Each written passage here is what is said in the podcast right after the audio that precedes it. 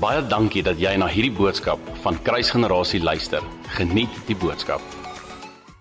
OK julle, ek het 'n topik vanoggend. Dis 'n goeie ding. As jy laasweek nie hier was nie, net om vir jou konteks te gee, ek het laasweek nie 'n topik gehad nie. Um ek die Here het vir 'n skrifvers gegee en ons het van daai skrifvers af beweeg en ons het ons het gegaan. Dit was 'n interessante preek geweest. Uh maar ek het 'n topik vanoggend. Vanoggend wil ek gesels oor oor die volgende generasie. Um ek dink is iets wat op Jesus hart is veral as gevolg van 'n 'n skrifgedeelte wat ons laasweek gelees het in Psalm 33 wat ek nou weer vir julle gaan lees. Ek dink dit is belangrik ook nou om vir elkeen van julle te sê, ek dink julle weet dit nou al veral as julle geluister het na die preek oor logos en rema en hoe die Here wanneer hy vir jou rema kom gee, met ander woorde openbaring kom gee, kyk of hy jou kan vertrou daarmee. En as hy jou kan vertrou daarmee, as jy die rema goed hanteer, dan kom gee hy vir jou meer rema.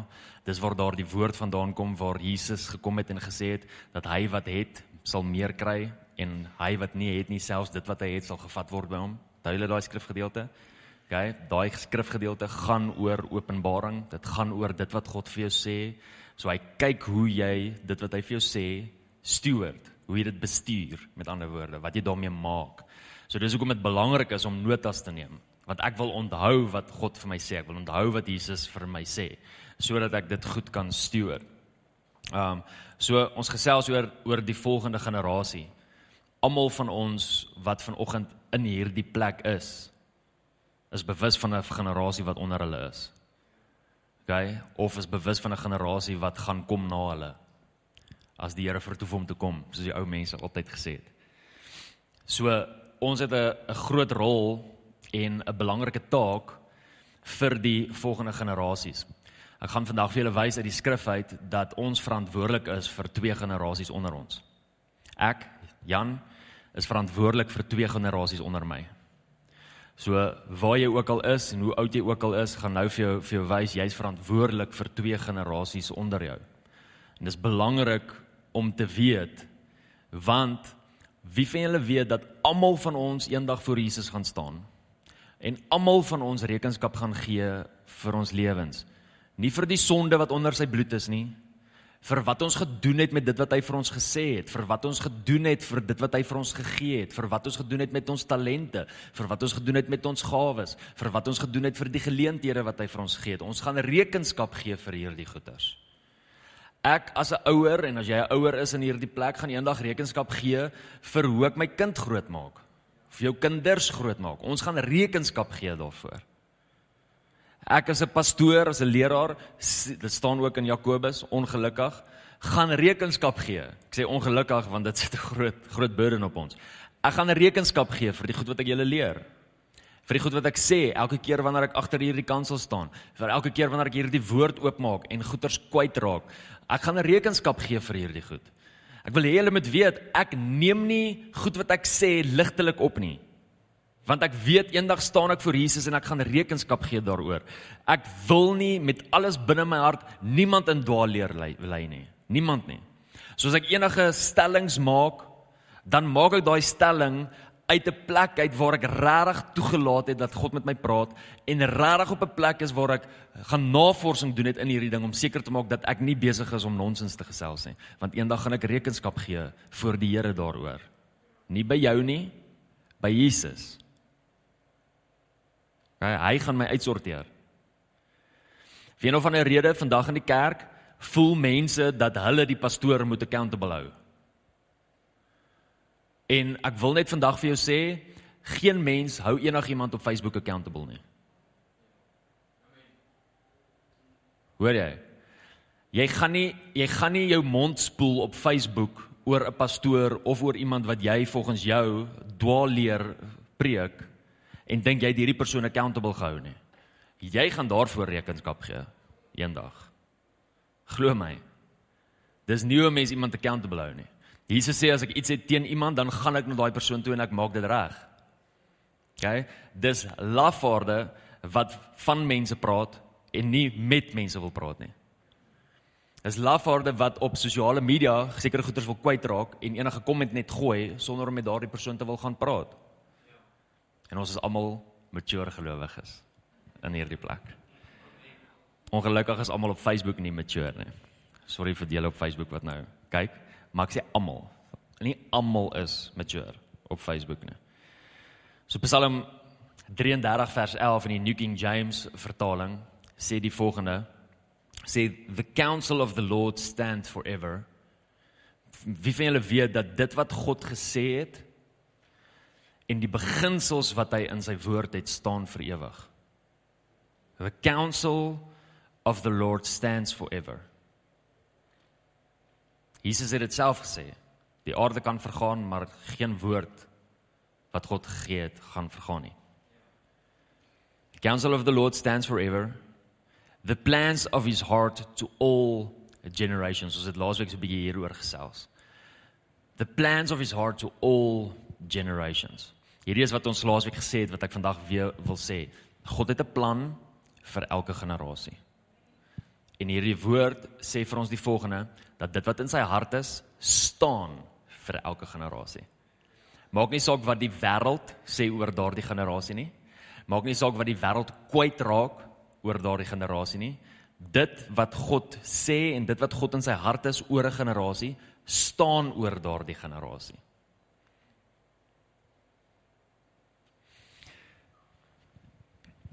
So daar was 'n koning En van hierdie koning lees jy in 2 Konings 18 tot en met 2 Konings 20. Um as jy Bybel het, wil ek hê jy moet blaai na 2 Konings 20 toe. Ons gaan lees vanaf vers 16 af. Maar ek wil eers vir julle net bietjie konteks gee van wie hierdie hierdie koning is.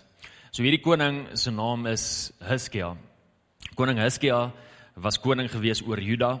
Die Bybel kom en sê in um hoofstuk 18 dat hy die beste leier was wat oor Juda was van al die konings wat voor hom was en al die konings wat na hom was. Met ander woorde, van al die konings wat geheers het oor Juda, was daar niemand soos hy nie. Jeskia het amazing goeders gedoen. Hy het al die offer um, tafels, al die tempels, al die idols, alles het hy verwyder sodat daar ware aanbidding kan wees in die huis van die Here en in Jerusalem. Hy het opgestaan vir dit wat waar is. Dis wat Hiskia gedoen het. Hiskia is ook die koning wat siek geword het en die profeet Jesaja het na hom toe gaan en vir hom gesê Hiskia maak jouself reg want jy gaan doodgaan. En Hiskia het verskriklik gehuil en hy het by die Here gepleit en die Here het 15 jaar by sy lewe bygevoeg. En toe kom die Here en doen 'n amazing wonderwerk want Hiskia het toe die geloof en die vrymoedigheid om vir die profeet Jesaja te vra, wat is die teken dat die Here my lewe gaan verleng? En Jesaja sê vir hom, wat wil jy hê moet die Here vir jou wys? Moet hy hê wil jy hê dat die skade weer met 10 grade vorentoe gaan of met 10 grade teruggaan? En Hizkia sê nee, dis maklik vir die skade weer om 10 grade vorentoe te gaan want dis hoe tyd loop. Ek wil hê dat die skade weer 10 grade terug moet gaan. En die Here het dit so gemaak dat die skade weer 10 grade terug moet gaan. Nou as jy gaan kyk na 'n sundial, ehm um, as hoe jy alle tyd gemeet het in daardie tyd, hang dit af hoe die sundial gestruktureer is, maar meeste teoloë stem saam dat die Here omtrent tyd met 40 minute gereverse het. In daardie tyd. Hierdie koning het die geloof gehad om dit te vra. Die enigste ander tyd wanneer tyd letterlik beweeg het of geaffekteer was, was in die tyd van Joshua toe hy gebid het dat die son moet stil staan. Onthou julle daai gedeelte? Amazing gedeelte. Wie van julle het die geloof om te bid dat die son stil staan? Joshua, die een wat langer as Moses in die teenwoordigheid van God was, hy het die geloof gehad om dit te doen. En ehm um, Hiskia is toe op 'n plek waar toe die Here hom genees en toe die Here 15 jaar by sy lewe byvoeg hy begin slegte keuses maak. Familie, wie van julle weet dit is belangrik vir ons om seker te maak dat ons goed eindig. Dit dit gaan nie oor hoe jy begin nie, dit gaan regtig oor hoe jy eindig. Dis belangrik vir ons om goed te eindig. Dis goed dat jy nou vas staan in die Here. Maar gaan jy vas staan in die Here die oomblik wanneer jou asem hier uitblaas? Dis belangrik vir jou om goed te eindig. Hiskia het nie goed geëindig nie. En wat Hiskia te doen is in daardie tyd stuur die koning van Babelonie mense om na Hiskia toe te gaan om eintlik almoses te kry.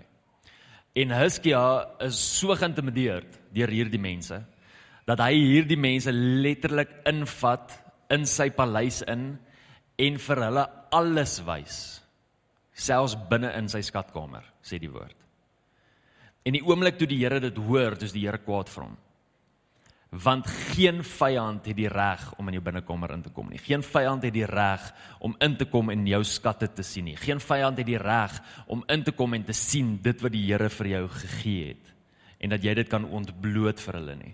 En die oomblik toe toe Hiskia daar is, is die Here kwaad vir Hiskia en die Here stuur vir Jesaja weer om vir Hiskia woord te gee en dit is waar ons nou is in vers 16. So lees saam met my. Ek lees uit die Afrikaans vertaling uit.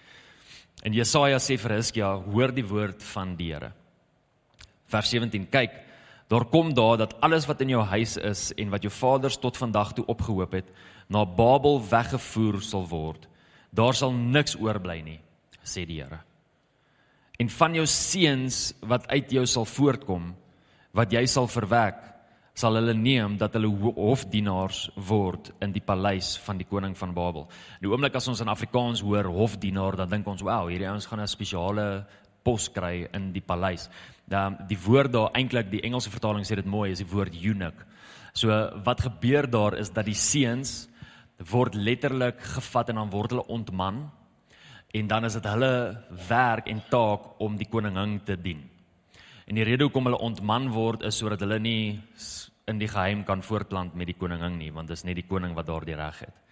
So hierdie is die woord wat die Here gee vir Hiskia. Hy sê jou seuns gaan almal ontman word en hulle gaan ander konings gaan dien waar hulle eintlik, wie van julle weet dit as jy koning is en jy kry 'n seun, moet daai seun koning word. En hierdie koning kom op 'n plek waar hy ontman word, met ander woorde, hy gaan nie vrugbaar kan wees in sy eie lewe nie. Sy vrugbaarheid word daar word weggevat en hy dien ewe skielik 'n ander koning.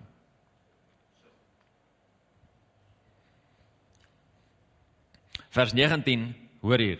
Toe sê Hiskia vir Jesaja: Die woord van die Here wat u gespreek het is goed. Ook sê hy, waarom dan nie?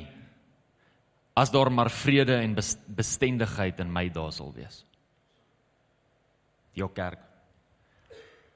Die oomblik wanneer ek hierdie lees, dan word ek klaar emosioneel. Want Hiskia is op 'n plek. Ek wil jou herinner net eers voordat ek hierdie sê. Dawid die beste koning wat Israel nog ooit gehad het. Die oomblik toe Dawid gesondig het en die profeet Nathan na hom toe kom, het Dawid sy klere geskeur en hy het gaan vas en hy het gaan bekeer van dit wat hy gedoen het. En dit het gemaak dat die Here die generasies onder hom gehou het, so ver dat Jesus op die troon van Dawid sit. Hiskia is op 'n plek waar hy sondig En die oomblik wanneer daar 'n woord kom tot teregwysing, is hy nie op 'n plek waar hy bekeer nie. Want die teregwysing en die konsekwensie van sy aksies raak hom nie. Dit raak sy kinders. En dis die woord wat hy letterlik hier sê. Hy sê die woord wat die Here gegee het is goed. Want dit gaan darm in my dae oukei okay wees.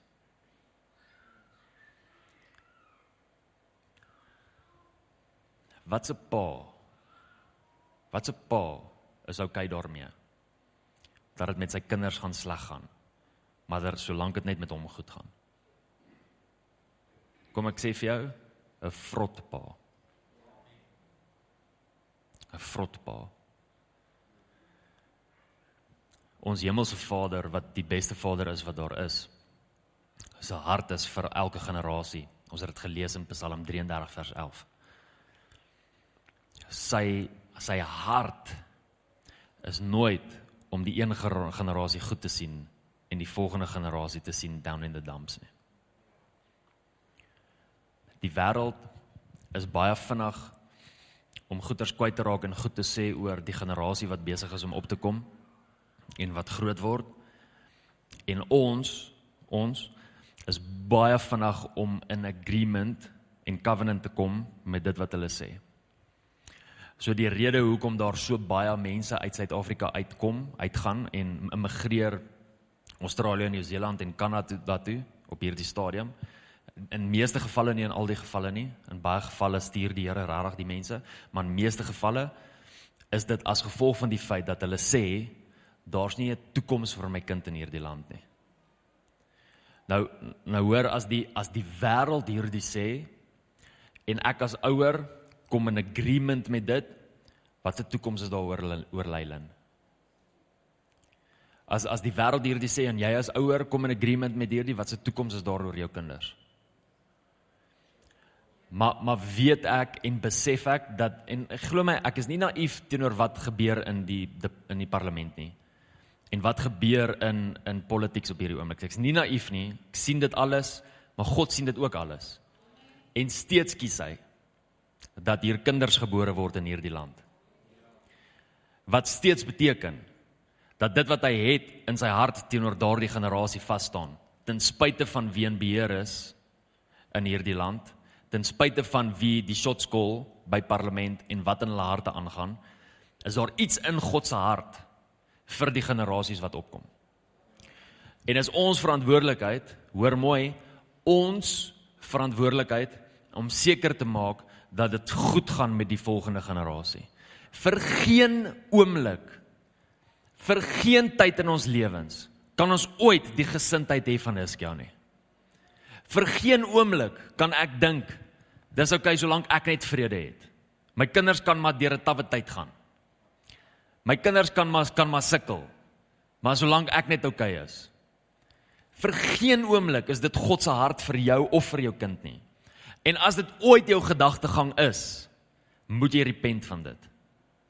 Jy moet op jou knieë val en letterlike gedagtegang verandering maak en in confession ingaan om vir die Here te sê hoe ver jy dit gemis het. Blaai saam met my na Deuteronomium 6 toe.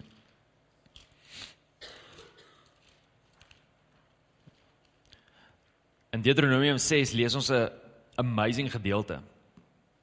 Deuteronomium 6 is is is een van die hoekstene van die Joodse geloof. Kom kom ek lees dit en dan sal ek dalk vir julle 'n bietjie konteks gee. So Deuteronomium 6 vers vers 1 tot tot 8. Dit is dan die gebod, die insettinge en die verordeninge wat die Here julle God beveel het om julle te leer, sodat julle dit kan doen in die land waar waarin julle oortrek om dit in besit te neem. Dat jy die Here jou God kan vrees om al sy insettinge en sy gebooie wat ek jou beveel te hou. Hoor wat sê hy? Jy en jou kind en jou kindskind al die dae van jou lewe en dat jou dae verleng kan word. Dis 'n mooi blessing. Dis 'n dis 'n mooi belofte. Hierdie is die woord wat God spreek. Die Here sê as ons sy woord hou en as ons in sy wil is, dan sal dit met ons goed gaan al die dae van ons lewens en ons dae sal verleng word. Wow. As sien julle hier die verantwoordelikheid wat ons het? Ek het nou-nou die stelling gemaak om te sê ons is verantwoordelikheid vir twee generasies. sien julle hier in die skrif? Jy en jou kind en jou kindskind. Ek het die verantwoordelikheid oor Leilin en Eunice en Andronikus wat op pad is. En ek het die verantwoordelikheid oor hulle kinders as oupa. My pa het die verantwoordelikheid oor my en hy het die verantwoordelikheid oor Leilin en Andronikus en Eunice en Hanna, my my sussie se babatjie. As pa, as oupa, as my pa en as hulle oupa, het hy verantwoordelikheid oor ons as generasie. So hier's die amazing ding, as ek verantwoordelik is vir twee generasies, daar sal altyd 'n overlap wees. Dis altyd geïntertwine. Is altyd ingeweef.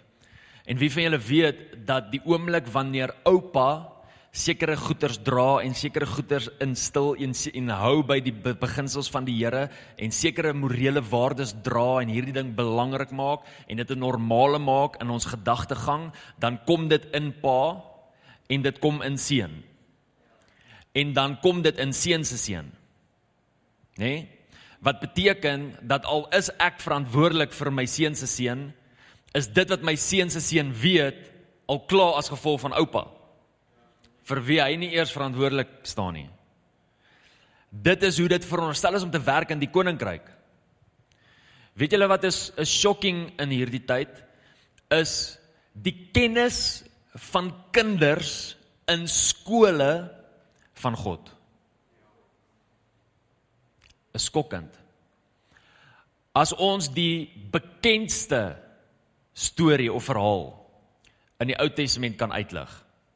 Kan 'n mens seker debatteer, daar's 'n paar, maar seker die bekendste een is seker Dawid en Goliat.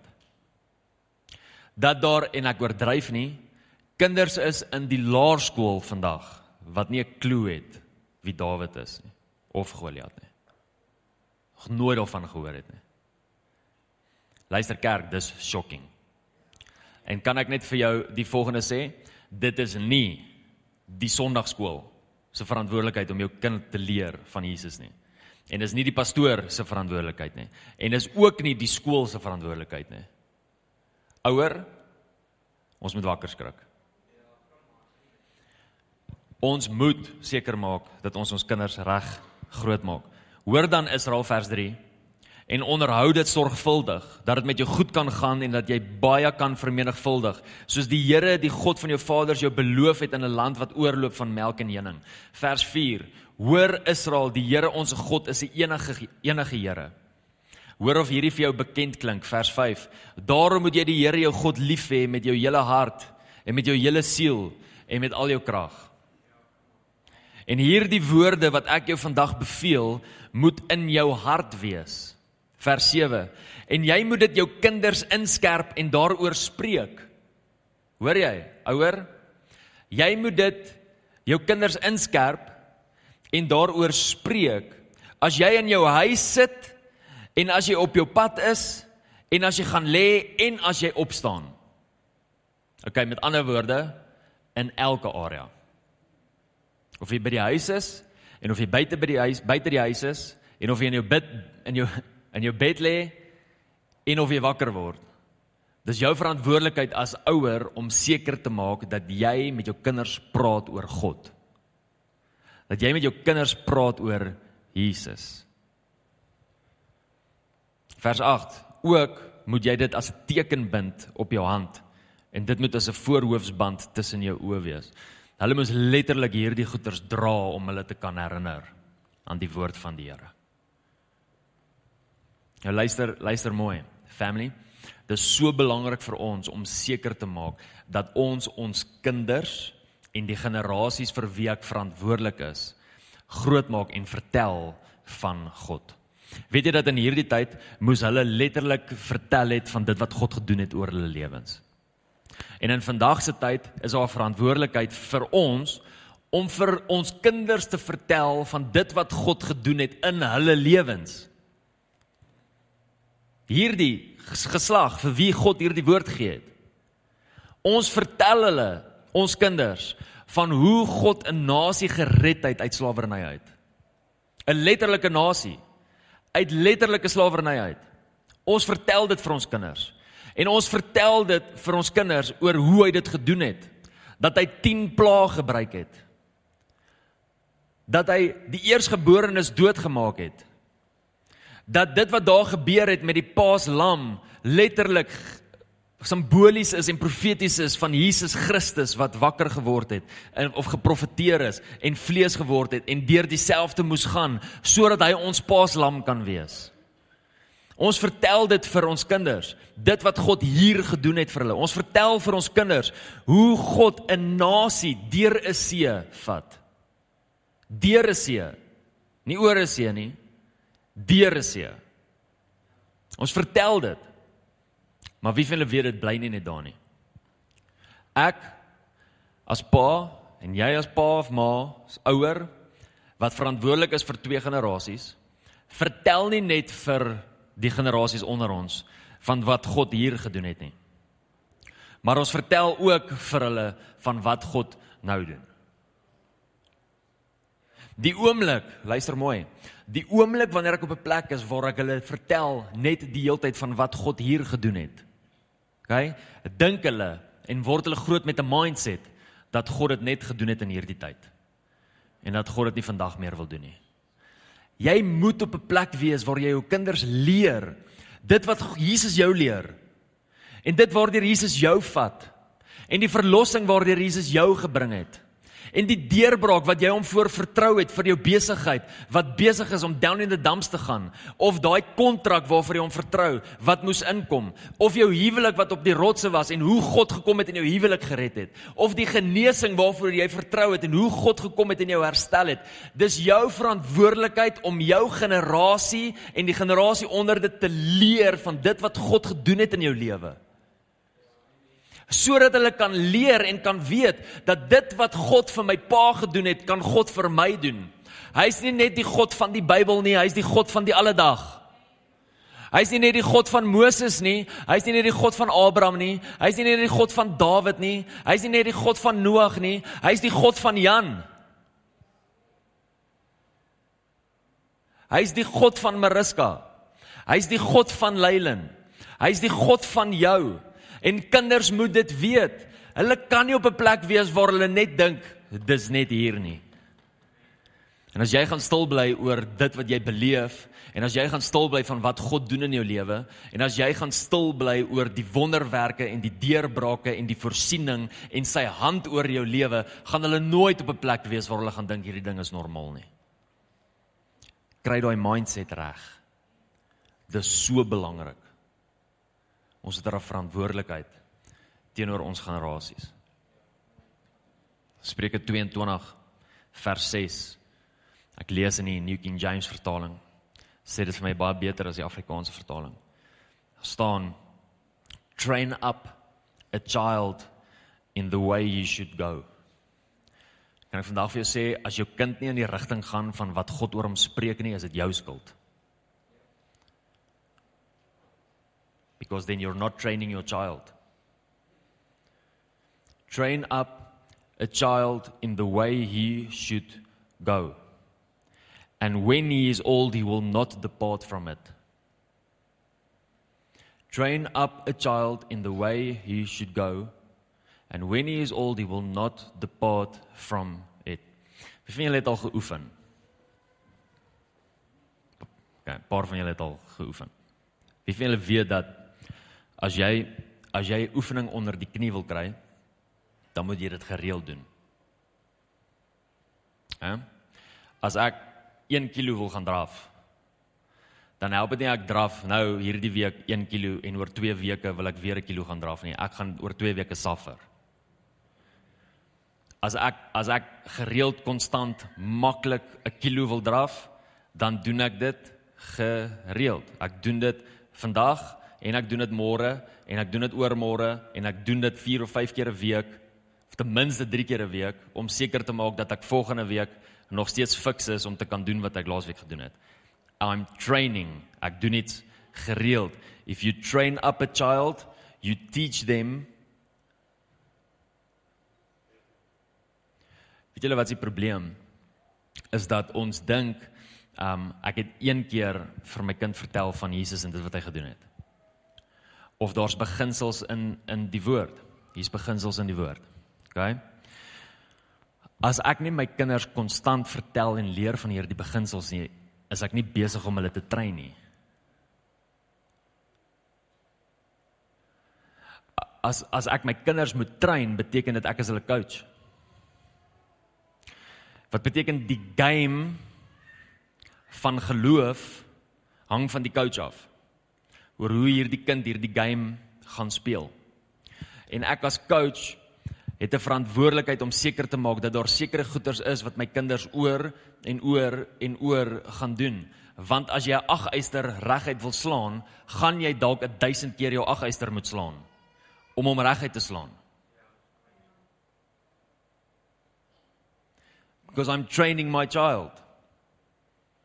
So hoekom vertel jy net jou kind een keer van 'n beginsel.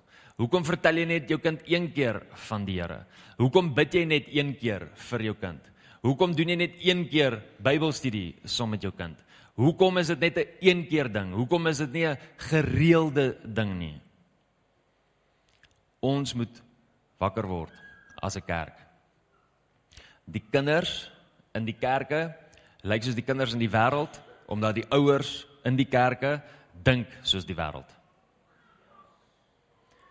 En as ons nie gaan terugkom by die skrif om seker te maak wat belangrik is vir hom en hoe ons moet leef en hoe dit moet lyk, dan gaan ons kinders nie 'n klou hê van hoe ware Christendom is nie. Maar ek het hierdie geleentheid. Ek het hierdie awesome geleentheid. Wie van julle weet as jy nou al vir 'n rukkie gelowige is, dan sal hierdie met jou resonate. Daar's sekere goeters waarmee 'n mens wrestle, sekere waarhede waarmee mense wrestle. En die oomblik wanneer jy hier met hierdie ding geressel het, dan wrestle jy nie weer daarmee nie, want jy weet, okay, die ding is waar. Okay? Daar's sekere goed waar Leila nie gaan wrestle nie want ek het klaar daaroor geressel. Daar daar's sekere goed wat sy nie gaan hoef te face nie want ek het dit klaar geface. Daar's sekere reëse wat Dawid verslaan het wat sy kinders nie hoef te verslaan het nie want Dawid het dit klaar verslaan. Daar's sekere reëse wat ek verslaan sodat my kinders dit nie hoef te verslaan nie. Daar's sekere mindsets wat ek in my lewe regkry sodat my kinders daai selfde mindset sal hê. The mind of Christ, not the mind of the world. Soos wat Jesus wil hê ons moet dink. En as ek nie so gaan dink nie, kan ek nie verwag my kinders moet so dink nie. So ek wrestle met sekere goeters. Ek werk hard vir sekere goeters. Ek maak seker dat ek sekere goeters in my lewe uitsorteer en regkry sodat dit vir die volgende generasie makliker is ek moes gestoei het as gevolg van hoe ek groot geword het. Ek het gereformeerd groot geword. OK? Ek moes gestoei het om die waarheid van genesing onder die knie te kry. Die feit dat Jesus almal wil genees. As daai woorde Jesus wil almal genees by jou iets maak hier binne in jou hart, wys dit vir jou dat jy nog moet stoei met daai ding. Ek moes met hierdie ding stoei om letterlik die mindset te kan kry en vorige mindsets af te breek en vorige leuns af te breek en vorige godsdienstigheid af te breek en vorige goed wat omstandighede wakker gemaak het af te breek sodat hierdie dinge waarheid kan word. Lynel gaan nie daarmee hoef te stoei nie. Want dit gaan 'n normale ding wees in ons huis. Want as ons siek is, is ons heel eerste respons gebed.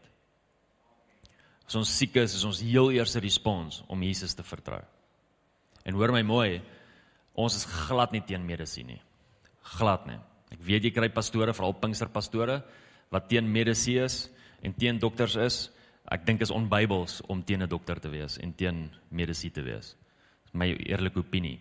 Hiskia het die Here gepleit om by sy lewe by te voeg en die Here het 15 jaar. Weet julle hoe het die Here vir Hiskia gesond gemaak? deur medisyne. Timoteus sit met 'n maagkwal. En Paulus skryf vir hom 'n brief en hy sê vir hom Timoteus, drink 'n bietjie wyn vir jou maag. Dis baie interessant. Sê my gou, hoekom het Timoteus, hoekom het Paulus nie vir Timoteus gesê te um, Timoteus roep die ouderlinge laat vir jou vir jou bid hou, waar is jou geloof? Ons dink dit offend die Here as ons medisy gebruik. Nee, dit offend die Here as jou vertroue in die medisy is en nie in hom is nie. Dit offend die Here. Daar's niks fout met medisy nie. Net so by the way. So ons bid en ons vertrou die Here. En as daar niks gebeur nie, nie nadat ek net een keer gebid het nie, glo my, ons bid. Ek wrestle in gebed vir genesing. Ek wrestle in gebed vir deurbraak. En as daar regtig na 'n geruime tyd is wat daar niks gebeur nie, ek is nie naïef om te dink dat ek hierdie ding gaan los totdat dit erger gaan word nie. As daar regtig niks gebeur nadat ek regtig geresel het en regtig die Here vertrou het nie, dan draai ons na medisy toe om te help en dan gebruik die Here medisy om gesond te maak. Dankie dat jy na hierdie podcast geluister het. Indien jy die boodskap geniet het, deel hom asseblief met jou vriende.